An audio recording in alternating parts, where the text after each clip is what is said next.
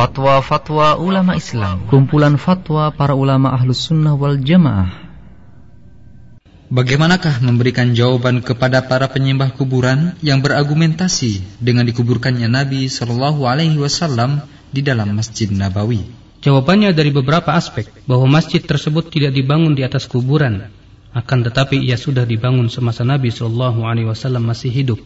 Bahwa Nabi Shallallahu Alaihi Wasallam tidak dikuburkan di dalam masjid, sehingga bisa dikatakan bahwa ini adalah sama artinya dengan penguburan orang-orang soleh di dalam masjid akan tetapi beliau sallallahu alaihi wasallam dikuburkan di rumahnya yang berdampingan dengan masjid sebab sebagaimana disebutkan di dalam hadis yang sahih bahwa para nabi dikuburkan di tempat di mana mereka wafat. Bahwa melokalisir rumah Rasulullah sallallahu alaihi wasallam juga rumah Aisyah sehingga menyatu dengan masjid bukanlah berdasarkan kesepakatan para sahabat akan tetapi hal itu terjadi setelah mayoritas mereka sudah wafat yaitu sekitar tahun 94 Hijriah jadi ia bukanlah atas dasar pembolehan dari para sahabat semuanya, akan tetapi sebagian mereka ada yang menentang hal itu. Di antara mereka yang menentang tersebut terdapat pula Sa'id bin Musayyid dari kalangan tabi'in.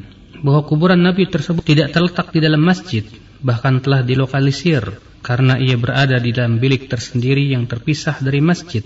Jadi masjid tersebut tidaklah dibangun di atasnya. Oleh karena itu di tempat ini dibuat penjagaan dan dipagari dengan tiga buah dinding dan dinding ini diletakkan pada sisi yang melenceng dari arah kiblat alias berbentuk segitiga. Sudut ini berada di sisi utara sehingga seseorang yang melakukan sholat tidak dapat menghadap ke arahnya karena ia berada pada posisi melenceng dari kiblat. Dengan demikian, argumentasi para budak atau penyembah kuburan dengan syubhat tersebut sama sekali termentahkan. Dari kumpulan fatwa Risalah Syekh Muhammad bin Saleh Utsaimin, jilid 2 halaman 232 sampai 233.